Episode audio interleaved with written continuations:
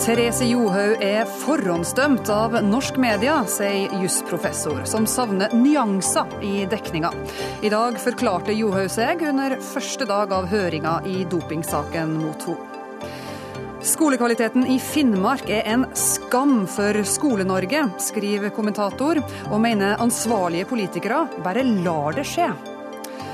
Og hva skal vi med en nynorsk som ikke skiller seg tydelig fra bokmålet, spør Minerva-skribent Therese Solien, som tror et mer konservativt nynorsk kan redde målformen. Men vil egentlig ord som korkje og snova skape større begeistring for nynorskfaget?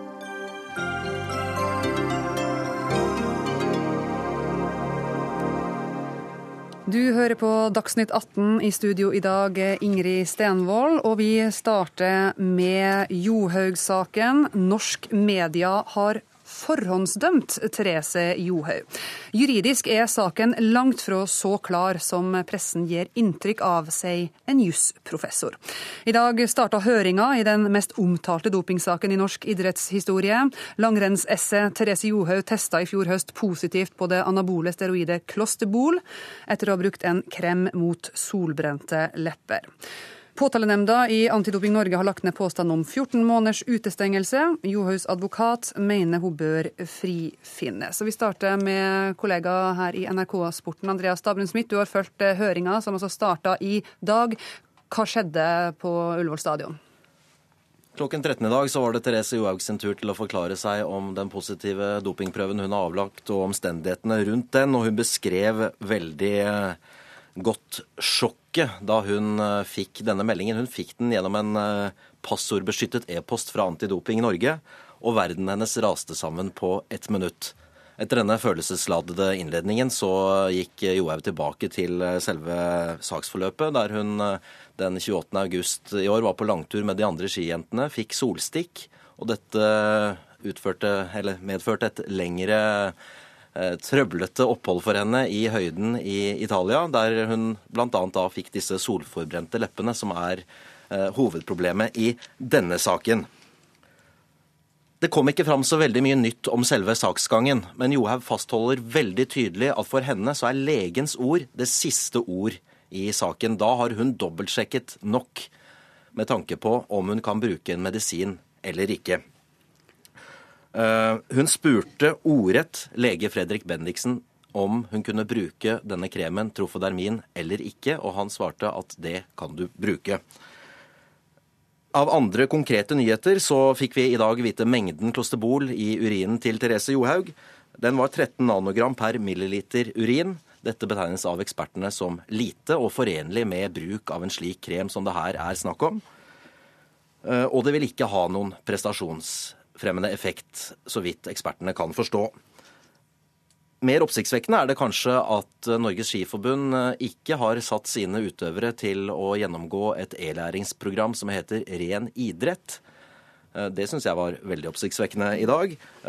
Toppidrettsutøverne har altså ikke gjennomgått et helt elementært grunnkurs i hvordan man opptrer i forhold til antidopingarbeidet.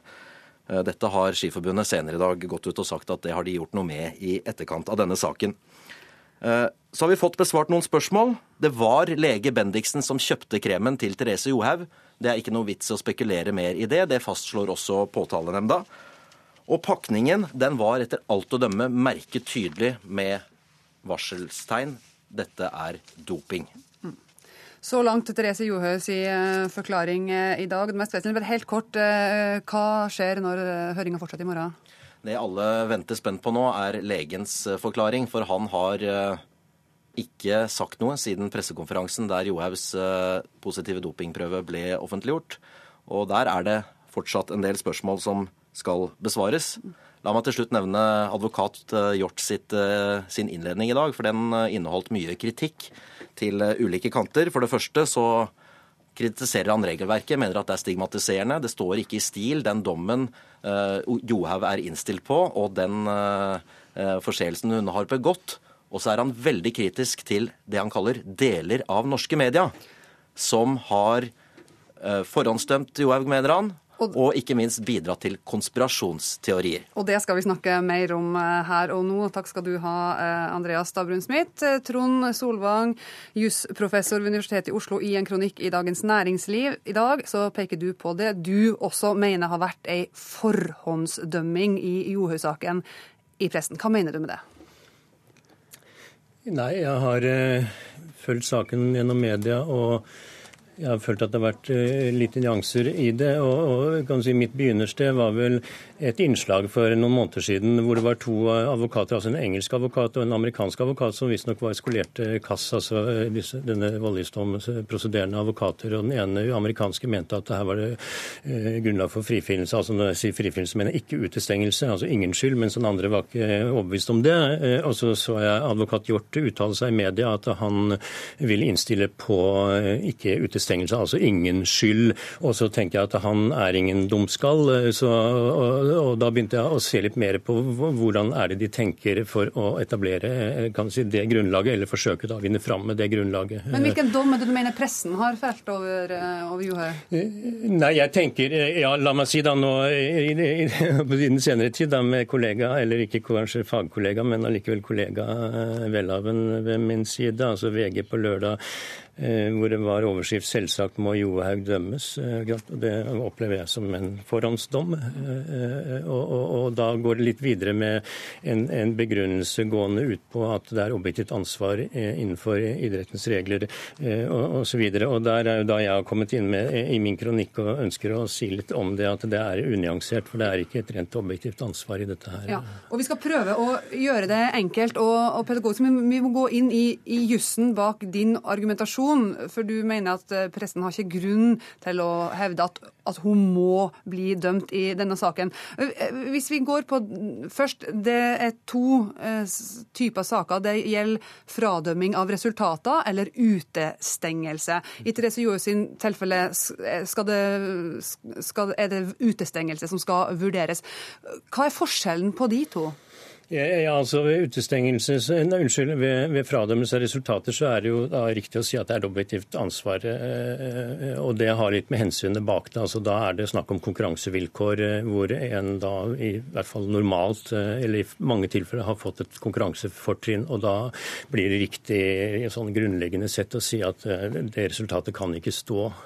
Men utestengelse er jo å ha mer av en sanksjon i seg, altså en straffe, straffeelement i seg. Og når man da tenker Johaug-saken så er det som alle vet ikke snakk om noen, eh, noen eh, altså resultat fra det. Det er jo ikke knytta til noen konkurransesituasjon. Så det er en ren utestengelsessak. Og innenfor utestengelse så er det jo en gradert skyldnorm. Eh, og det er det som er mitt budskap, at disse skyldnormene de, de har ikke noe vanntette skott imellom seg. altså Der har man i nedre sjikt altså ingen skyld. altså Hvis man kan vise at man ikke er å bebreide som utøver, så, så, så skal man ikke ilegges utestengelse. og Det er det jeg da kaller frifinnelse i den henger her. Da. Og da er det spørsmål eh, også hva, hva, ligger i det med eh, at man kan ikke bebreides. Altså hvor, hvor, hvor, bastant er egentlig det? Og Hvis jeg bare går på trinn to, da, så er det snakk om ingen betydelig skyld. og Det er jo det påtalenemnda har lagt seg på i denne saken. Så, så det, det, dreier seg om da denne kan si, avveininga mellom disse skyldnormene og hvordan denne saken ser ut altså når den kommer i sin fulle bredde gjennom vitneførsel osv. Og så er det én ting til viktig ting i det juridiske, og det er jo å se på liksom, presedens i tidligere lignende saker. Du har studert masse saker i det som kalles idrettens eh, voldgiftsrett, altså KAS, da, som den eh, forkortes som. Der finner du også eksempler som eh, underbygger det at det er ikke utenkelig at eh, Johaug kan bli frifunnet juridisk. Ja, det er det. Altså, du sier jeg har studert masse dommer. Jeg, det var ikke mine ord, men jeg har lest en del dommer, og jeg har sett litt etter hva er det i dom, de dommene som kan tilsi at eh, i Johaugs tilfelle hun ikke blir eh, ja, erklært eh, skyldig. Altså at det, at det, kan tenkes å være en form for ikke-uaktsomhet ikke i det. og Da har jeg nevnt et par eksempler eksempler her. Altså, den ene saken er en sak som har vært oppe i media. for Det, der det er denne Schisato, en, en, italiensk svømmerske som hadde da sårdannelse mellom tærne og, og brukte da klosterbol, eller denne salven da, med klosterbol, og ble da testet, på, og hun testet positivt tilsvarende måte. og Den ble da idømt ett års utestengelse etter de reglene som den gang var.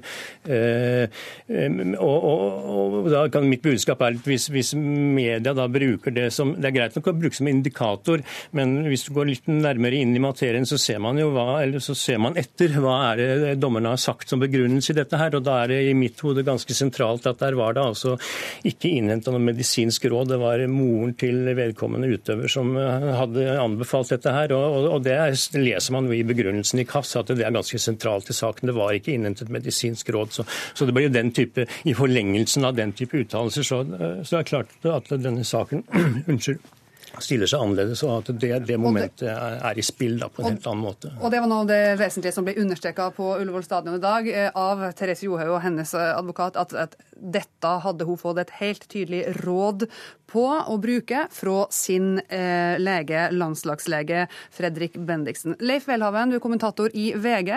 Du skrev nylig Selvsagt må Johaug eh, dømmes. Og med begrunnelsen, som så vidt ble nevnt her, det er ikke tillatt å ha anabolt steroid i kroppen, og det er utøvernes ansvar å påse at det ikke skjer. Punktum. Er det så enkelt? Mulig at eh, punktumet var å overdrive, men jeg skal være ydmyk på den eh, type innspill fra jusfagfolk. Men jeg kan jo rede, altså, kort redegjøre for resonnementet og undersøkelsen som ligger bak det jeg faktisk da skrev på, på lørdag. For altså Utgangspunktet er jo at regelbruddet etableres ved at det er en positiv eh, prøve. Og så er det altså da, altså, Hvis du da skal følge resonnementet til eh, advokat eh, Hjort, så er jo han da avhengig av å komme inn under den bestemmelsen som på norsk kalles ikke utvist skyld. Mm. Den bygger på punkt 10-4 i WADA-koden, som igjen altså er inkorporert i NIFs lov, og som er det som gjelder i angjeldende sak. Det er altså, og Når du går inn i WADA-koden, så er det merknader knyttet til det punktet som definerer hva som faller innenfor og utenfor dette punktet, i hvert fall gir en indikator på det. Og Det går tydelig fram at altså, det kalles 'exceptional circumstances' hvis man skal, kunne komme innenfor dette. Det nevnes sabotasje som et eksempel, og det nevnes til og med spesifikt i merknadene at da å få noe administrert av lege da faller utenfor, og sånn sett vurdert opp mot faktum i denne, uh, i, de, i, de, i denne saken, så syns jeg det er vanskelig å se sånn sett, grunnlaget for at du skal kunne kunne konstatere at Therese Johaug, som ikke foretok noen selvstendig undersøkelse, kan, komme, altså kan hevdes å være uten skyld. Men når det foreligger, men når, når det foreligger en, en ja. dom i KAS der faktisk KAS eksplisitt understreker at uh, hvis dette blir gitt av egen uh, lege, så ville det stilt seg annerledes i en dom som ikke endte med frifinnelse. Altså, den ville endt med frifinnelse altså, hvis eh, det var grunn til å mene at utøveren kunne stolt på legen. Altså, nå skal jeg være ydmyk i en uh, diskusjon med en jusprofessor her, for all del. Men jeg skal jo nevne at de, altså, de, det er to saker som du spesifikt trekker fram i, i kronikken.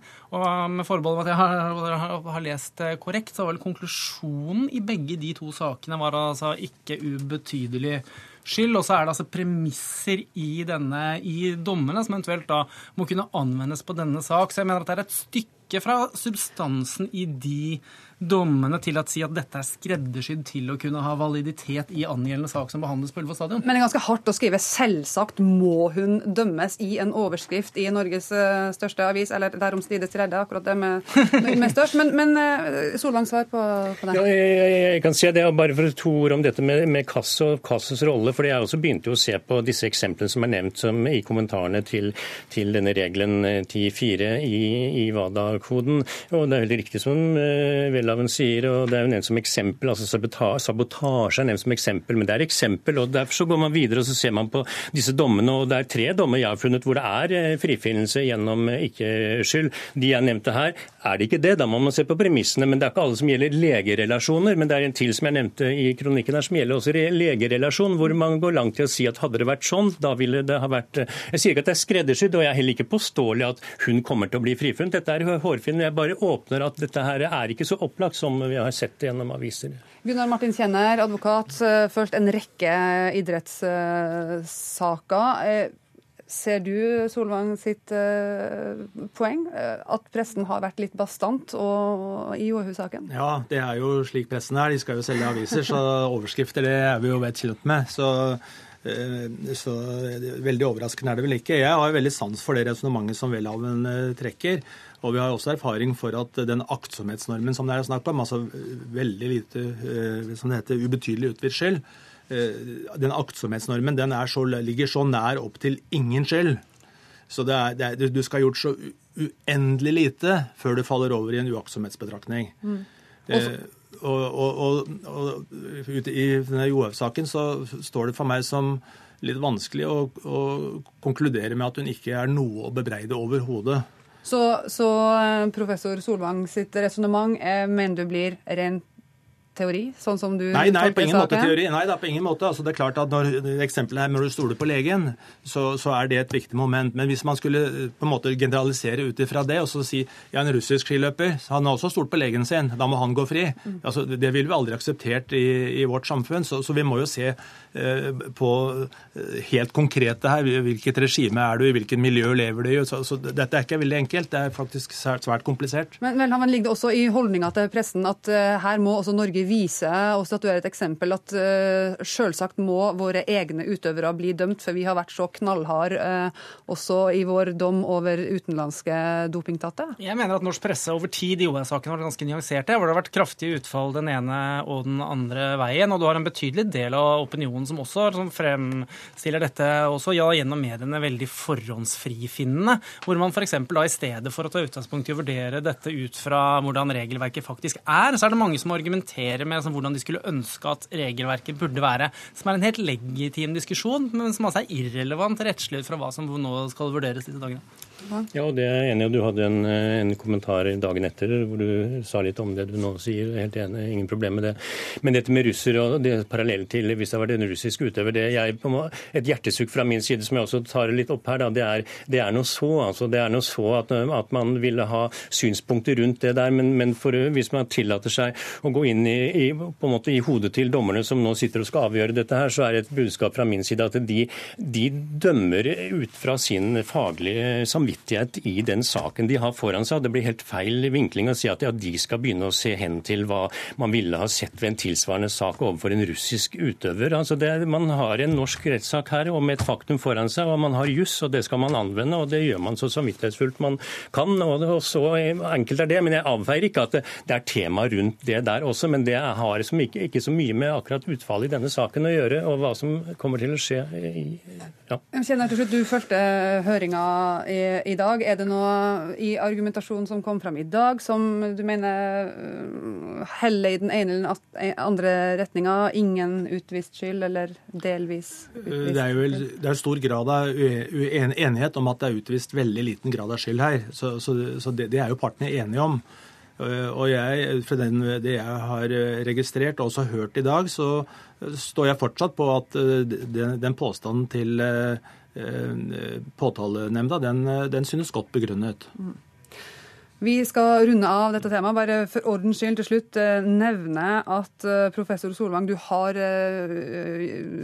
jobba på oppdrag for Skiforbundet, men med ting som ikke har direkte med skyldspørsmålet i denne saken å gjøre. Så det skal være rydda av veien. Takk skal dere ha, Gunnar Martin Kjenner, Leif Welhaven og Trond Solvang.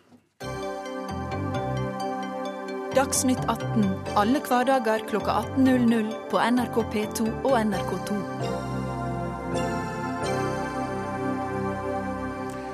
Det er ingen hemmelighet at Finnmark topper dystre skolestatistikker når disse legges fram år etter år. Færre fullfører videregående her enn i resten av landet, og fylket bruker langt flere ufaglærte lærere enn andre fylker. Hadde dette vært tall for Oslo, ville det vært fullt av demonstranter på plenen foran Stortinget, skrev Aftenpostens Helene Skjeggestad i en eh, kommentar på søndag. Skjeggestad, du kaller rett og slett skolesituasjonen i Finnmark en skam. Hva er det som gjør at du tar så sterke ord i bruk?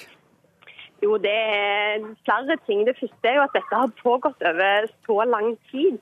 Når jeg jobba med denne kommentaren, så snakka jeg med, med, mennesker som hadde vært skoleelever for 40 og 20 år siden, eh, og skoleelever i dag. Og de forteller alle den samme historien om, eh, om skolekvalitet som rett og slett er for dårlig.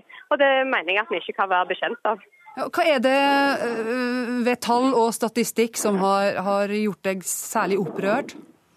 Altså, Det som jeg er spesielt opptatt av, er frafall når, det er frafall, når det er 40% i Finnmark som, som fullfører på noe mer tid. Nå er det høyere på, på litt lengre tid, men allikevel det er så langt under det nasjonale gjennomsnittet. Så tilrettelegger man egentlig for, eh, for, at flere kan leve i utenforskap. Da.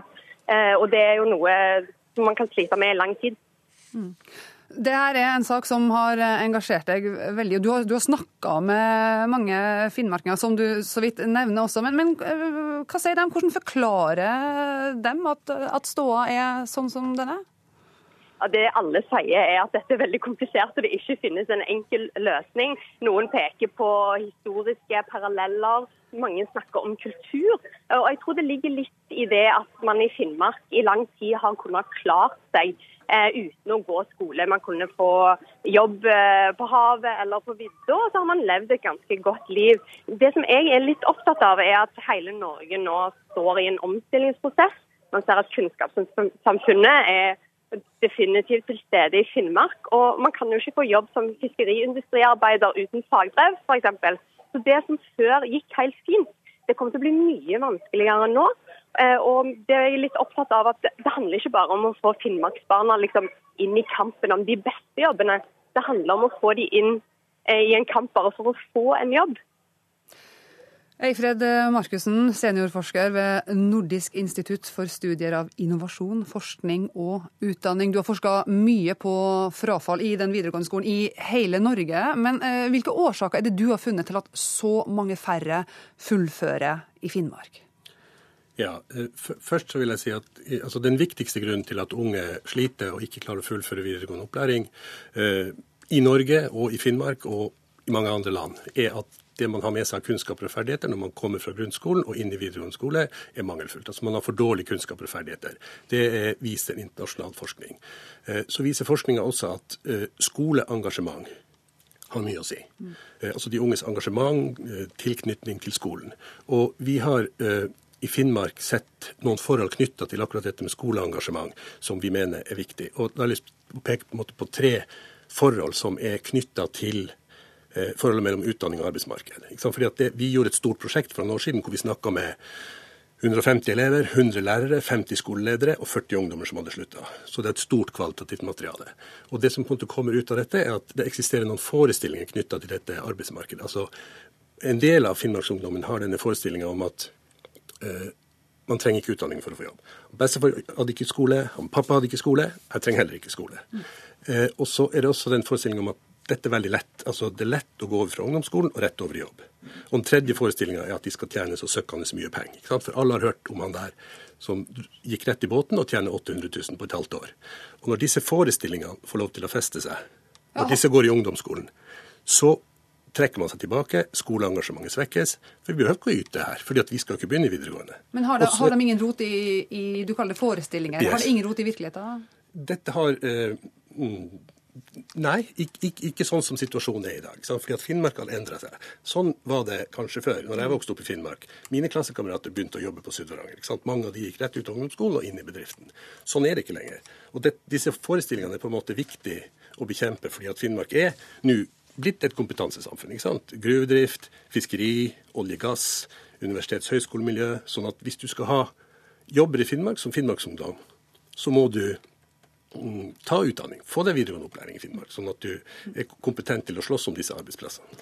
Marianne Sivertsen Næss, du er varaordfører i Hammerfest for Arbeiderpartiet. Du er også egentlig rektor eh, ved Hammerfest videregående skole, i permisjon nå. Eh, du kjenner skolesystemet i Finnmark veldig godt. Eh, hvor ligger problemet etter din mening? Nei, Det er jo de forholdene som er trukket frem her, som jeg også ville ha nevnt. Det som går på den historien som vi har, og den betydninga av skole, hvordan den er vektlagt over ti år at du har fått deg jobb uten å ha noe videregående skole i, i bakgrunnen. Men, eh, men, det som gjøres nå i Finnmarksskolene, gjøres jo veldig mye, i likhet med andre skoler i landet, vil jeg tro. Men eh, man ser jo at det som går på skoleårsgjennomføring, nå tar det jo tid før man får resultater, for det er jo et langsiktig arbeid. og det er jo et, eh, det er ikke noe enkle svar på en så komplisert problemstilling. Så det at man jobber over tid, og man, man, gjør, man jobber med profesjonalisering f.eks. i alle ledd, det vet man jo at det har stor betydning for hvordan man jobber internt på den enkelte skole. For det kan også være store forskjeller mellom skoler på den kvaliteten som man leverer. Ja, og Der du har vært rektor, så har dere eh, satt i verk en del, en del tiltak. Hva, hva, utover det med profesjonalisering, hvilke ting er det som funker? Ja, hva funker? Jeg tror det er veldig viktig i hvert fall å bruke den informasjonen man har til enhver tid om elevene når eh, de målene de skal i forhold til læreplanverket. Og jobbe sammen på skolene og lage profesjonelle læringsmiljø. At man identifiserer forbedringsområder og jobber som et kollege for å, eh, for å finne hva man kan gjøre. Men også det med samarbeid skole-næringsliv har vi sett i Hammerfest har veldig stor betydning. Og Da er det jo viktig at man har et næringsliv som står på den andre sida og er klart å ta imot de elevene som går ut av VG2 på yrkesfag spesielt. Og Det er jo der vi ser spesielt at frafallet er størst, og vi har de største utfordringene utfordringen. Ja, og Dette har du gjort som rektor, men nå er du også Arbeiderpartipolitiker. Og så sitter du eh, ved sida av eh, den eh, nåværende kunnskapsministeren eh, fra Høyre. Og du skal få lov til å, å, sende noen utfordringer i hans retninger før vi slipper til Torbjørn Røe Isaksen. Ja, og det jeg vil bare si at Vi i Finnmark har et ansvar, og vi skal gjøre jobben for å få forbedre resultatene der jobben skal gjøres. Men så mener jeg òg at det er et ansvar eh, nasjonalt. Altså Regjeringa har et ansvar. Og Da er det to ting jeg vil påpeke spesielt. og Det er det at vi må ha nok kompetente lærere. Læreren er den viktigste ressurspersonen i skolen for å få kvaliteten til, i møte med elevene. Og Det må være et eh, nasjonalt ansvar å sørge for bedre rekrutteringsordninger, og spesielt i Finnmark vil jeg trekke det frem. Eksempelvis mine barn som går eh, i en barneskole i Hammerfest. Der står det nå en og en halv stilling ledig fordi at vi får ikke kvalifiserte lærere til å søke på den stillinga. Så det er den ene tingen jeg vil trekke frem. Og så vil jeg også trekke frem det som går på kommuneøkonomi. Dessverre så ser jeg jo flere kommuner i Finnmark som da ser seg nødt til å kutte lærerstillinger. Eh, vi ser også at regjeringa har denne forsøksordninga med økt lærertetthet i ungdomsskolene, hvor vi i Hammerfest også har mista støtte fra, nasjonal, altså fra regjeringa til eh, lærere i ungdomsskolen. Torbjørn Røe Isaksen, sittende kunnskapsminister fra Høyre. Der fikk du en liten utfordring. Hva har du gjort for å lokke flere lærere til Finnmark? For rekruttering er et av de store problemene. Altså, vi har gjort veldig mye for å både lokke flere lærere til skolen, for å heve kompetansen i skolen, at gode lærere skal bli enda bedre, for å satse på videreutdanning, som jo er kjempeviktig for alle fylker. Og så skal vi gjøre mer også som er målretta. Noe av det som har vært problemet med tidligere regjeringers politikk, er at man har spredd alt tynt utover. Så man har tenkt at når vi satser på skoleutvikling, så må vi gjøre det like mye for Oslo som for en kommune i Finnmark som Hammerfest f.eks. Det mener jeg vi skal slutte med. Og så, Hvis jeg kan få si én generell ting, så er det Jeg hadde bare én innvending mot eh, det i kommentaren i Aftenposten til Skjeggestad. Og det var at eh, det høres ut som dette bare er et problem i Finnmark. Og det stemmer ikke. Og det, Jeg har snakket om dette i mange år, det er flere andre som har snakket om det i mange år, men av en eller annen grunn så har den såkalte rikspressen bare vært opptatt av å skrive om og diskutere Oslo-skolen. Man kan diskutere hvorfor, men det er nå i hvert fall tilfellet. Men dette er kanskje på fylkesnivå, så er dette spesielt for Finnmark. Men det fins sånne enklaver og regioner og områder rundt om i hele landet. Du ser det særlig i tidligere industrifylker. Du ser det i områder i mitt hjemfylke Telemark. Du kan se det i områder i Innlandet. Du kan se det i områder både på Vestlandet, du kan se det i Agder-fylkene, i Østfold, til og med deler av eller ikke bare til og med, altså deler av Vestfold også. Men at, Finnmark, er, men, men at Finnmark jo, altså, skårer så, så ja, lavt over så faktisk, mange år, ja, avviser du at nei, det er spesielle nei, det er utfordringer der? Det er et kjempeproblem. Ja, men, poenget, poenget jeg, hva, poenget mitt er at dere, Hva gjør dere med det? Altså, jeg skal si helt konkret hva vi skal gjøre. Vi kommer til å foreslå en stortingsmelding som kommer nå til Stortinget, at istedenfor at staten skal bruke alle midlene og spre de tynt utover alle kommunene, så skal staten gå inn ekstra i kommuner som har vedvarende svake skoleresultater, altså rett og slett ikke klarer å løfte skolene sine selv, over tid. Det betyr at istedenfor å gi støtte litt til alle, så skal vi sette inn mer av støtet for de kommunene som trenger det mest. Og så trenger vi også en egen rekrutteringsstrategi for å få lærere til nord. Det er ikke et nytt problem som har oppstått nå, det har vært der veldig lenge.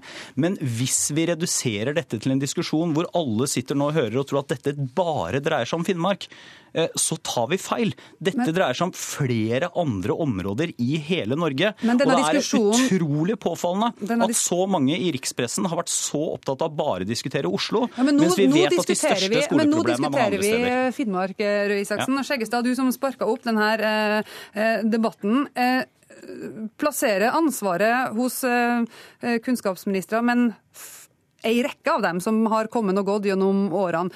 Eh, har du tro på det Røe Isaksen sier her? Ja, altså Det er jo positivt å høre at han ønsker mer målretta tiltak. Altså, det viktigste for meg er at det blir et slags eierskap til denne problemstillingen. Og så kan jo ikke jeg holdes ansvarlig for at rikspressen ikke har skrevet om dette før. Eh, men eh, absolutt, eh, så lenge det kommer målretta tiltak mot steder hvor skolekvaliteten er for dårlig, så må jeg jo nesten si meg fornøyd, hvis de fungerer. Snarere burde jo Skjeggestad gratuleres, for det hun er altså Det er andre som har skrevet også om dette før. Men hun gratuleres for at hun løfter opp problemstillingen. Det er kjempebra, og det er på tide at vi diskuterer det. Og det er viktig med målretta tiltak. Og så er det også viktig at dette kan jo ikke bare løses fra Oslo. Dette nest, handler også ja. om lokal skoleutvikling. Jeg har lyst til å kommentere et par ting her. Og Det ene er at det er viktig, debatten er viktig. Kort, ja. kort. Mm. ja. Og så vil jeg si at du sier målretta tiltak. Da er det rart at man fjerner en ordning som var direkte målretta mot de skolene som hadde høyt elevtall per klasse og lave grunnskolepoeng. Det var forsøksordninga med økt lærertetthet i ungdomsskolen. Nummer to, så sa Røe Isaksen her at man ønsker å rekruttere lærere til nord. Jeg ønsker å rekruttere lærere i nord, som bor i nord og er fra nord. For det er det vi vet har betydning på sikt. Ja, altså Vi må selvfølgelig rekruttere både til og i nord. Eh, det som er litt av problemet som noen tar til orde for, det er jo at vi skal gjøre det gjennom å senke kravene til lærere som vi skal utdanne i nord. Det er jeg mot. Det vil være det stikk motsatte av det vi burde gjøre. Og noe av det som kjennetegner en god nasjonal utdanningspolitikk, er jo at vi har samme høye ambisjoner for alle elever, og samme, samme høye ambisjoner for alle som skal inn i læreryrket også, uavhengig av hvor de utdanner seg i landet. Vi får, få forskeren få siste ordet her, Markussen. Hvilke tiltak eh, ser du i dine, eh, dine prosjekter at kan fungere? Eh, jeg tenker at I forhold til det, de tingene jeg dro opp tidligere, så handler det jo om eh, at ungdomsskolen må gjøre en bedre jobb, må gi disse ungdommene et bedre kunnskapsgrunnlag, sånn at de er forberedt til å møte videregående opplæring med det nødvendige kunnskapsgrunnlaget. Og så tenker jeg at Det handler også om i forhold dette med skoleengasjement og disse forestillingene om mellom utdanning og arbeidsliv, at man må drive noe holdningsskapende arbeid i ungdomsskolen i forhold til disse ungdommene, sånn at de skjønner at det er ikke sånn som det har vært før. Finnmarksungdommen trenger utdanning og kompetanse for å jobbe og bo, bo i Finnmark. Høyere utdanning er aldri feil, heller ikke i Finnmark. Takk skal dere ha denne runden. Og så får vi håpe at vi kan diskutere dette flere ganger da. Med Torbjørn Røe Isaksen, eh, Eifred Markussen, Helene Skjeggestad og Marianne Sivertsen Næss.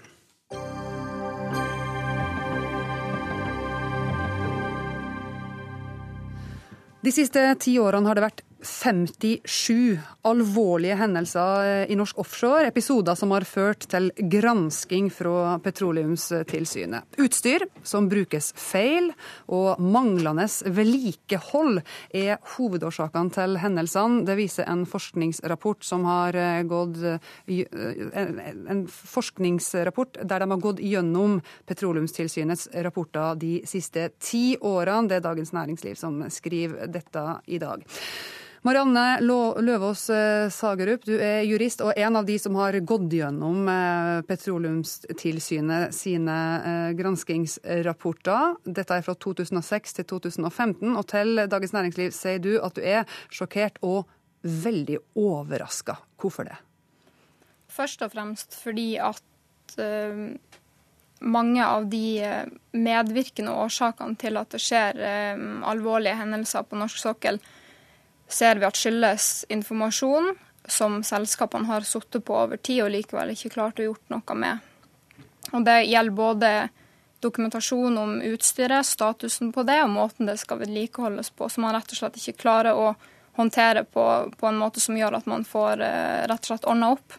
Og Grunnen til at dette overrasker deg, er, eh, sånn som jeg tenker da, er ikke, er ikke sånne ting på stell på norsk sokkel? Ja, og, og, det er jo det man skulle tro. Det er jo det er jo klart at eh, det er jo en eh, stor virksomhet som drives på norsk sokkel med, med, mange innretninger, både over og under vann, og det kan alltid skje ulykker i en så stor virksomhet. Men, men uh, åpenbart tenker jo de fleste at spesielt forhold som man kjenner til, skulle man kanskje klare å gjøre noe med. Så det overrasker rett og slett at man ikke har, har gode nok ordninger til å, å, gjøre noe med det. Og det som, det som vi ser, basert på den forskninga vi har gjort, er jo at litt av problemet er at det rett og slett er for mye det er for mye rapporter, det er for mye kontroller, det er for mye dokumentasjon. Mm. Så det handler ikke om at selskapene ikke prøver eller ikke vil. Det blir rett og slett for mye av det gode. Er det ren flaks, vil du si, at det ikke har skjedd uh, alvorligere uh, hendelser, og kanskje tap av uh, flere menneskeliv, ut ifra bildet som du tegner? Utvilsomt gjøres det veldig mye godt HMS-arbeid på norsk sokkel, og, og, operatørene av innretningen er veldig opptatt av HMS. Men for enkelte av de hendelsene som har vært granska de siste årene, så tror man trygt kan si at, at ja, kall det flaks. Den, den definisjonen Petroleumstilsynet bruker i sine rapporter, er at uh, hendelsen kunne resultert i dødsfall eller uh, storulykke under vesen, vesentlig uendrede omstendigheter. Tommy Hansen, du er kommunikasjonsdirektør i Norsk olje og gass.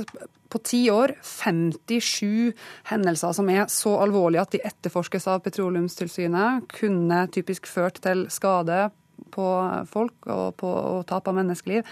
57, er ikke det for mange? Jo, altså én er for mange i denne sammenhengen her. Vi eh, har et Eh, det er viktig å vite at vi har et høyt sikkerhetsnivå på norsk sokkel. I den perioden som eh, forskninga her omhandler, så har det vært en gjennomgående tendens at sikkerhetsnivået på norsk sokkel, altså i form av det som faktisk har skjedd, har blitt bedre. Og 2014, som er det nest siste året i dette arbeidet, var det beste året sånn sett på norsk sokkel gjennom tidene når det gjelder sikkerhetsresultat. Når det gjelder faktiske hendelser? Når det gjelder faktiske hendelser. Mm. Og så er alle hendelser én for mye i vår industri, fordi vi skal skal ha et eh, ekstremt høyt nivå på helse, miljø og sikkerhet. Eh, det har vi stort sett. Og så har vi sett i det siste som ikke av dette, at vi har hatt litt for mange hendelser. Så det arbeidet som det her eh, er gjort, selv om det er litt tilbake i tid, det er viktig i den grad vi kan lære noe av det. Ja, men jeg spør om faktiske hendelser. fordi at 2014, eller de fem siste årene i denne forskningsperioden, så økte faktisk eh, de hendelsene som ikke utvikla seg da, til mm. eh, ulykker, mm. men der det kunne potensielt eh, gått veldig feil. Så det bildet, altså det, toppen av isfjellet, er faktiske hendelser, men under der står det ikke så bra til. Nei, og, og, og, Da må det viktig å se på det som eh, også Løvaas A-gruppe er inne på, som er årsaksforholdet. og En del av de tingene som det pekes på her, er jo bl.a. Eh, dokumentasjon og den type ting. Det er komplisert, og vi ser nå eh, i industrien i det trepartssamarbeidet vi har med tilsynsmyndigheter, med tillitsvalgte med industrien, på om vi kan gjøre dette på en måte som gjør det enklere å eh, ikke gjøre feil. Men feil skal altså ikke skje. Og så, og så er det tror jeg, en dimensjon til som er kanskje litt annerledes i denne industrien sammenlignet med veldig mange andre industrier. Det er at det er en veldig stor åpenhet og en veldig stor grad av ærlighet nesten litt sånn smertelig ærlighet noen ganger i forhold til å legge alle kort på bordet. Og Grunnen til at vi velger å gjøre det, og grunnen til at det da er mulig å finne såpass mye som denne rapporten har funnet, er fordi at vi tror at det å legge alle korta på bordet, ikke forsøke å unndra noe, ikke forsøke å late som vi ikke visste noe, eh, det er en dårlig måte å bli bedre på. Eh, med å få alt på bordet, så tror vi at det er det som er løsninga på å kunne bli enda bedre. Men vi er ikke fornøyd så lenge det skjer en eneste eh, hendelse med alvorlig potensial. Sikkerheten er veldig god på norsk sokkel, ifølge norsk olje og gass. Men likevel så, så peker jo utviklinga i, i, denne forskningstiåret ikke bare i riktig retning? Nei, det er NNP-tallene sier som viser, eller i hvert fall indikerer utviklinga på sikkerheten i norsk sokkel, er flere negative indikatorer fra 2014 og til 2015. Så spørsmålet er jo hva skjer de neste årene. Og hva kan dette skyldes? Det vi tror, basert på den forskninga har gjort og de samtalene vi har hatt med en rekke selskaper, er at det kalde byråkratiet som du har hatt i bransjen over de ti siste årene, hvor man har en enorm dokumentasjonsmengde i prosjektene helt fra man kjøper inn utstyret, gjør at det selvfølgelig blir vanskelig å håndtere den samme dokumentasjonen under drift. Man har rett og slett ikke nok oversikt over det enkelte utstyret som er sikkerhetskritisk, og hvordan det skal vedlikeholdes. Og en rekke av de her hendelsene som har skjedd, skyldes jo rett og slett at utstyret håndteres feil. Og i en rekke tilfeller finner man ikke engang dokumentasjon offshore. Og hvis man har den, så er det tre permer som man må lete gjennom først. Men Hansen, du ser litt sånn huff, ja, mye byråkrati. Men, men det betyr jo på, sagt på en annen måte at uh, dere ikke har oversikt? Jo, vi har oversikt, og så skal vi se på om det er Men... noen måter å gjøre dette her eh, på, eh, på, som kan eliminere noen av de funnene som er gjort her. og Det arbeidet er vi godt i gang med. Men så er det viktig å si at RNNP, som, heter, som er den offisielle statistikken for, for hendelser, eh, den viser jo altså En av de tingene som ble framholdt i 2015, nå har ikke 2016-tallene kommet ennå, men i 2015 så ble det framholdt at det var en stor forbedring i forhold til arbeidet med vedlikehold, bl.a. Altså kritisk vedlikehold og, og sikkerhetskritisk vedlikehold, som ble løfta fram som en positiv trend i 2015. 2015.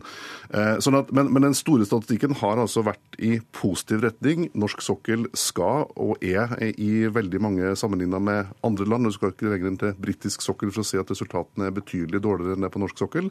Vi har det kanskje høyeste nivået i verden og skal ha det. Og vi skal bli stadig bedre, eh, for dette her krever jobb hver eneste dag. Dårligere økonomi. Hvordan eh, vil du si at det påvirke sikkerhetsarbeidet? Ja, Økonomien blir ikke noe bedre av dårligere sikkerhet. Eh, altså Dårlig sikkerhet koster også penger. Eh, og eh, i valget mellom sikkerhet og kostnader så vinner alltid sikkerhet i vår industri. Sikkerhet har førsteprioritet, og det er ikke bare noe vi sier, det er faktisk også noe vi mener og noe vi handler etter. Sånn at eh, det at man nå har vært opptatt av å gjøre ting billigere på norsk sokkel for å bli konkurransedyktig, det skal ikke på noen måte eh, føre til dårligere sikkerhet. Og det gjør det heller ikke. Det er ingenting som indikerer det, i hvert fall sier vi takk til eh, dere. Tommy Hansen i Norsk olje og gass, Marianne Løvås eh, Sagerup, jurist og forsker.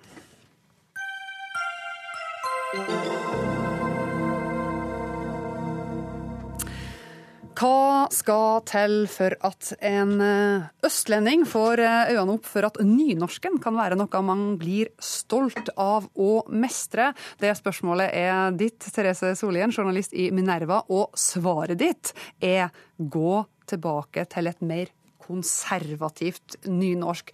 Forklar meg, hvordan landa du på den konklusjonen? Nei, altså eh, Jeg må understreke at dette er ikke eh, en normativ tekst. Jeg mener ikke at alle burde skrive som jeg gjør, så dette er en anekdotisk observasjon fra min egen erfaring med nynorsken. Eh, og som jeg skriver i kronikken, så var nynorsk et språk jeg ikke hadde brukt på 15 år, altså de årene mellom videregående skole og til jeg begynte å skrive i Dag og Tid, hvor det da er nynorsk som er språkformen som brukes. Så oppdaget jeg ganske raskt at det var ikke spesielt vanskelig å skrive nynorsk men det var vanskelig å skrive god nynorsk. Et nynorsk som jeg syntes eh, det var interessant å drive med og var stolt av og hadde interesse for selv. Eh, det var først da jeg oppdaget at det var vesensulikt bokmålet. Og det var en, eh, en, erkjennelse som var ny for meg, hvilket er rart. For jeg i likhet med alle andre hadde hatt sidemålsopplæring på skolen. Men den derimot dreide seg mer om hva kan man slippe unna med for at det skal kunne sorteres som nynorsk? Med andre ord, Hvis jeg får meg jobb i en kommune en eller annen tenkt gang i fremtiden, og får et brev på nynorsk og skal besvare det på nynorsk, hvis jeg skriver 'eg' og 'ikke', så holder kanskje det. Det var mange veldig glad for, fordi ingen, meg inkludert, hadde noen entusiasme for nynorsk. Og det syns jeg i ettertid er veldig rart. Men jeg, men jeg, skjønner fortsatt ikke hvordan du mener at å bruke ord Nå nevnte vi innledningsvis her, altså korkje i stedet for verken, eller snove i stedet for å snuble. Eh, hvordan skal det gjøre at bokmålsfolk, bokmålsbrukere som deg sjøl, får mer respekt for nynorsk? Vel, Det dreier seg om at uh, man anerkjenner at det er et uh, eget språk, som da er vesensulikt bokmålet. Uh, ofte snakker man om at nynorsken blir møtt særlig på Østlandet, med så mye motstand fordi man blir tvunget til å lære det. Det er et veldig pussig argument, for man hører aldri det samme når man skal få lære å eh, snakke engelsk eller skrive fransk eller tysk. Da ser man på det som en stor berikelse, man syns det er fryktelig interessant. Og man får også høre at man blir bedre i morsmålet ved å eksponeres for andre fremmedspråk. Og det var først da jeg begynte å engasjere meg for nynorsk som et eget språk, et språk jeg måtte respektere med en egen grammatikk og tenke på det som vesensulikt bokmålet, at jeg fattet interesse for det. Som språkelsker ble det da naturlig for meg å fatte interesse for det, lære mer av det, inkludert de eh, det ordtilfanget som var vesensulikt mitt eget. Mm. Vi må høre hva målfolket sjøl syns eh, om denne logikken. Synnøve Marie Sætre, leder i Norsk Målungdom. Kan Solien ha et eh, poeng i at eh, nynorsken har blitt utvatna og, og for lik bokmålet? Jeg vil nok ikke si at nynorsken er utvatna, og jeg tenker på en måte at Eh, når eh, det er oppheva, så nynorsk og bokmålet nærmer seg eh, De blir normert på selvstendig grunnlag fra nå, og nynorsk og bokmål nærmer ikke seg lenger. Og en ser f.eks. at ja, radikale former i bokmålet de taper terreng. Og så tenker jeg at det å si at nynorsk er utvatna fordi en liker kanskje de konservative formene bedre, vil jo være å rangere sitt eget syn på nynorsk over eh, andre sitt syn. Eh, og der er jeg litt uenig med hva jeg tenker som er fint med nynorsken, på en måte. Fordi opphavet til nynorsken eh, ligger i mangfoldet av de norske dialektene. Eh, og tanken bak er at alle dialektene er like mye verdifulle. Men, men, eh, men, da er det jo nettopp det her å, å, å dyrke fram mangfoldet i nynorsken og, og, ta vare på alle de kanskje litt mindre, uh, mindre vanlige uh, ordene og uttrykkene, og, og, ord som da ikke finnes i bokmål. Uh, nettopp viktig for å framheve nynorsken som noe helt annet. Ja, Det finnes jo veldig mange ulike varianter av nynorsken, og veien til nynorsk er forskjellig for uh, de fleste. For noen så handler det om uh, nærhet til eget talemål, eller nærhet til alle dialektene, om det er et rent verdispørsmål. Og poenget er jo at alle er like velkomne og verdige og viktige nynorskbrukere, samme hvordan en snakker og sånn. Men så tenker jeg at Solhjell har et viktig poeng med at vi må se på hvordan folk kan få et bedre møte med eh, nynorsk, ja. også for de som har eh, bokmål som hovedmål. Nemlig, og, og, da må jeg spørre Solien, for, for dette er jo eh, nokså sentralt, at nynorsk er jo et ord som skal brukes, og det skal brukes av mange som har det som et, eh, et talenært skriftspråk. Du snakker jo østlending, og så bruker du et ja, litt sånn stilisert poetisk uh, nynorsk. Men det skal jo ikke Ja, det er poetisk språk, men det er jo det er jo først og fremst et eh, språk som skal brukes hver eneste dag, ikke kunst. Ja, La meg understreke at uh, jeg er ikke uenig med Synnøve i at uh, alle typer nynorsk er velkomne. Og jeg mener ikke at alle skal skrive nynorsk slik jeg gjør. Men det som jeg syntes var veldig Men du mener at folk får mer respekt for nynorsk som høres ut sånn som det du bruker? Jeg tror østlendinger vil synes det er mer fascinerende å lære det, og vil ha en større respekt for, for nynorsk som et eget språk, dersom man blir presentert for nynorsk som et eget språk. Men kan ikke det være tvert imot? For er ikke ofte argumentasjonen man hører at det er så vanskelig vanskelig å lære nynorsk? Blir det ikke bare enda vanskeligere? Jo, eh, det aller enkleste ville selvfølgelig vært hvis vi gikk tilbake til å kommunisere med nevene. Det hadde vært det letteste av alt.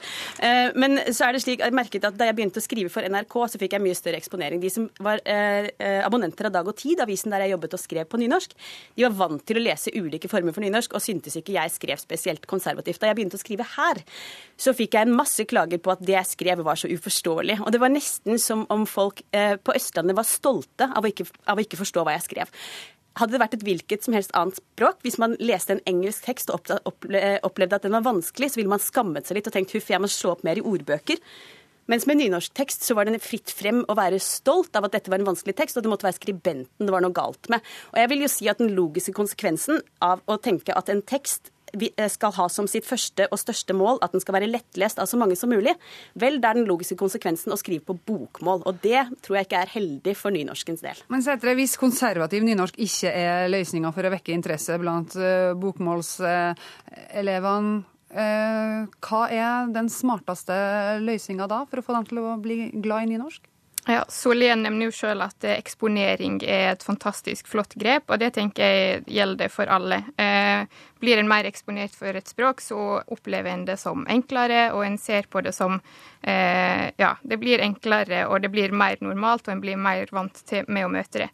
Eh, så for nynorsken sin del så tenker jeg at eh, det å styrke sidemålsopplæringa med å begynne det tidligere og møte det i andre fag enn norsk, f.eks. å ha lærebøker i eh, samfunnsfag på nynorsk, eh, og det å styrke lærerutdanninga. Fordi eh, vi må ha lærere som også kan å undervise i nynorsk, og vise hva nynorsken har å tilby. Både med eh, hva nynorsken er som språk, og hva det er bygd opp på. Mm. Eh, hva slags verdigrunnlag som ligger bak. Og til slutt, Solien, Hvis man skal følge logikken din helt, da, så bør man jo også gå tilbake til bokmålsformer som nu og efter, og, og, og gå i motsatt retning der òg, for at uh, de som har nynorsk som hovedmål, skal fatte interesse for uh, bokmål. Ja, eh, det kan man godt si. og Der er det to momenter. Det ene er at etter 2002, da man opphevet eh, samnorsk som noen målsetning og begynte å normere de to ulike skriftspråkene ulikt, så har jo det såkalte moderate bokmålet vunnet terreng kapitalt.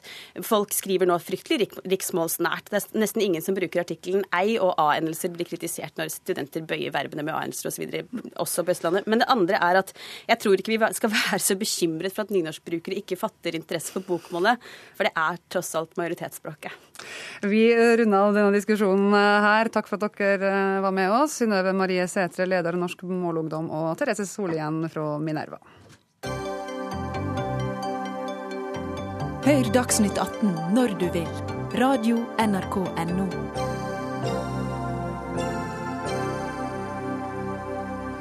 I det rød-grønne utstillingsvinduet Trondheim skal det kun lyses ut heltidsstillinger i helse- og omsorgssektoren. Det har bl.a. ordfører og fagforeninger skrevet under på. LO-leder Gerd Kristiansen kalte Trondheim en pioner kommune. Men løftet om heltidsstillinger gjelder tydeligvis ikke overalt i kommunen, for nå søker Trondheim etter fire helsesøstre. Og de må ha høgskole- eller universitetsutdanning, ha godt humør, være utadvendt, ha positive holdninger, være fleksibel, engasjert, løsningsorientert og ha toleranse for høyt arbeidstempo i ei 10% stilling. 10 en halv dag i uka omtrent der, altså. Eli Gunhild By, leder i Norsk Sykepleierforbund, hva tenkte du da du så eh, denne utlysninga? Jeg visste ikke helt om jeg skulle le eller gråte. Jeg tenkte at dette her er et hån mot eh, oss som yrkesgruppe. Det er et hån mot eh, helsetjenesten, og i hvert fall ikke noe ønske om å bygge gode helsetjenester og gi befolkningen et godt tilbud, også barn og ungdom, som det her er snakk om. Forebygging, veldig gode tjenester. Og så rimer kanskje ikke helt med denne heltidserklæringa som eh, man har blitt enige om i Trondheim? Heltidserklæringa den har vi blitt enige om KS, Delta, Fagforbundet og Norsk Sykepleierforbund i 2013. Vi revitaliserte den liksom i 2015 og, ble, og har jevnlige møter for at vi skal løfte denne problematikken. Da er en av de tingene som vi gjør, vi går ut og ser på hvordan stillingene lyses ut. Og når det kommer fra en av Norges største kommuner en sånn type utlysning som dette her, så opplever jeg det som et hån både mot eh, arbeidstakerne og ikke minst mot befolkninga og brukerne, barn og unge, som skal ta imot disse tjenestene. Dette er en hån, Edvin Helland. Du er leder for oppvekstkomiteen i Trondheim bystyre for Arbeiderpartiet. Da må du bare forklare meg, hvordan i all verden kunne dette skje? Ja, vi kan vel si at det er litt eh, hån mot det, de vedtakene som også er, er, er fatta i bystyret og i samarbeid med organisasjonene. Eh, og det, vi jobber jo knallhardt for å prioritere og fremme heltid i, i Trondheim kommune. sånn at... Eh, Men fire stillinger på 10 eh, hvordan kunne det skje? Ja, det lurer jeg jo på. Det mangler kanskje en nulle på alle de der eh, fire stillingene, uh, spør du meg. Ja, Men det gjør det jo ikke, for det har jo, det, det har jo vært ei faktisk utlysning. Så, mm. så prøv å forklare meg det. ja det der blir jo en, en, diskusjon vi må ta med, med rådmannen i, i, morgen. For at vi har jo, vi har jo en arbeidsgiverpolitikk og, og, tariffavtaler som sier at det skal utlyses i, i 100 stillinger. sånn at uh, det, her må vi, det her må vi løse med rådmannen i løpet av kvelden og i, i morgen, tenker jeg. Så du skylder på rådmannen, og det er ingen tvil om at det skal ikke lyses ut så små stillinger i, i Trondheim kommune? Nei, det skal ikke lyses ut så små stillinger i Trondheim kommune. Gunnil, eh, Eli By, et eh, enkeltstående hendelig uhell. Dette er ikke et enkeltstående hendelig uhell. Siden, eh, siden 2013 vi har jobba målrettet med dette, her, så ser vi fortsatt at det er sånn at 50% av stillingene til sykepleiere som lyses ut, er deltidsstillinger. 80% av de stillingene som lyses ut av helsefagarbeidere, er altså deltidsstillinger. Og så har jeg sett på en oversikt i dag. Det er faktisk sånn at eh, ambisjonene til Trondheim kommune for å klare å synliggjøre og se på barn og ungdom i, i, i den store kommunen, de har 1,35% stilling til sammen på en helsesøster til, og, nei, til ungdomsarbeid, og en 20 legestilling. Dette, er, dette er, er, et hån mot oss som yrkesgruppe, det er et hån mot innbyggerne. og og Trondheim kommune kan ikke forvente at de skal eh, rekruttere sykepleiere på, eh, og andre yrkesgrupper på høyskole- og, og universitetsnivå hvis de fortsetter på den måten her. Sånne hendelige uhell, det det kan vi ikke ha. Vi kan ikke se på at det kommer noe mer. Nå må vi sette ned foten. Vi skal, vi skal høre med ei av de Eh, som har ønska seg inn i eh, helseyrket. Nina Korneliussen, for tida arbeidsledig helsefagarbeider i Trondheim. I går så skrev du et rasende leserinnlegg i Fagbladet med tittelen 'Jeg må gå så langt at jeg på det sterkeste vil fraråde alle å bli helsefagarbeider'. Dette yrket er rett og slett en stor bløff. Du får deg ikke jobb i Trondheim. Hvilke stillinger er det som blir utlyst, som du har å velge mellom? Uh, nå vil jeg vel først si at jeg er mer skuffet enn rasende, kanskje. Men eh, sånn generelt så har jeg inntrykk av at det er veldig få stillinger som blir utlyst. Og det er særlig større stillinger og heltidsstillinger. Så det virker på deg som at denne typen som vi hører om her, småbrøkstillinger, er vanlig i Trondheim kommune? Ja, det er veldig vanlig. Mm. Det er annenhver helgstilling eller eh, ringevikarer det søkes om i mitt tilfelle, i hvert fall. Og det frister ikke for deg f.eks. å bli tilkallingsvikar. Hvorfor det? Nei, Jeg vil jo ha noe mer konkret. Jeg har jo huset hjemme å ta vare på. Jeg vil ha en litt mer forutsigbar hverdag enn det, da. Mm, hva synes du om at Trondheim slår, slår seg litt på brystet og skryter av at de er en kommune med bare heltidsstillinger i eldreomsorgen? Det er vel så langt fra sannheten som vi egentlig kan komme. Altså, det finnes, men jeg har inntrykk av at det blir mindre og mindre av det. At eh, Edvin Helleland, eh, du får ha meg unnskyldt, men, men for meg faller meg glansbildet litt her nå. Skjønner du det? Nei, Jeg tror ikke det er falme, men, men, eh, men det her handler jo om eh, økonomiske prioriteringer. Nå har Arbeiderpartiet med de sentrumspartiene som er med på budsjettet nå i, i, for 2017, bevilga ganske mye på, på, på helsesida, eldreomsorgen, eh, til lærere og til sykepleiere Nei, til helsesøstre. Eh, sånn at eh, jeg håper om kort tid nå at vi får se virkningen av de, de pengene som ble bevilga for budsjettet 2017, og, og det er betydelige beløp for å få eldreomsorgen Få flere heltidsstillinger i eldreomsorgen, få flere helsesøstre og opprettholde den lærertettheten vi har i, i, i Trondheimsskolen og på de helseinstitusjonene. Og så blir jo en annen sak når en tenker på de økonomiske bevilgningene vi får fra, fra Oslo og fra regjeringa. De prioriterer skattekutt istedenfor å gi penger til, til, til kommunene for å drive god eldreomsorg og god gode, skole, gode skoler og, og, sånne offentlige tjenester som er helt nødvendige. Og Den får vi diskutere en annen gang, men, men eh, By, har du tro på at eh, den jobben som gjøres skal endre på det her? Ser du ei utvikling som går i riktig retning? I noen kommuner så ser vi en uh, utvikling som går i riktig retning. Men det handler om å prioritere, det handler om å sette ned foten, det handler om å si hva man ønsker. Altså, jeg ser her at i de, disse stillingene her så kan du få jobbe i Midtbyen mandag og onsdag mellom 16 og 19, på Rosten mellom 16 og 18, på Strinda mellom 14 og 17. I Trondheim kommune og i Trondheim by så har dere store utfordringer med å forebygge, med å få eh, ungdom til å eh, ikke bruke rus, med å, drive med aktiv forebygging. Og det at Trondheim kommune overhodet ikke prioriterer disse tingene her. Det er veldig alvorlig for innbyggerne, det er alvorlig for skolene, det er alvorlig for helsetjenesten som sådan. Ja, Så her må dere ta dere sammen. Og Helland, dere etterlyser en rekke, rekke, egenskaper. Man skal være blid og utadvendt, men det rekker man jo nesten ikke å være hvis man har ei 10% stilling. Vil dere se gjennom å, å være nøyere med utlysningstekstene i framtida? For det her er jo nesten litt komisk. Ja, jeg er litt enig med deg. Du skal være fryktelig, fryktelig god på å rekke alt det der på, på en 10% stilling. Men, men, vi har jo, vi har jo eh, eh, et såkalt arbeidsgiverpolitisk dokument, og vi har eh, vi har muligheter for å hente ut uh, gode uh, søknader i samarbeid med fagbevegelsen. Uh, samarbeid med både Fagforbundet, Utdanningsforbundet og med Sykepleierforbundet for å finne de gode, riktige utlysningstekstene. Og, det er jo viktig å bruke det trepartssamarbeidet fremover.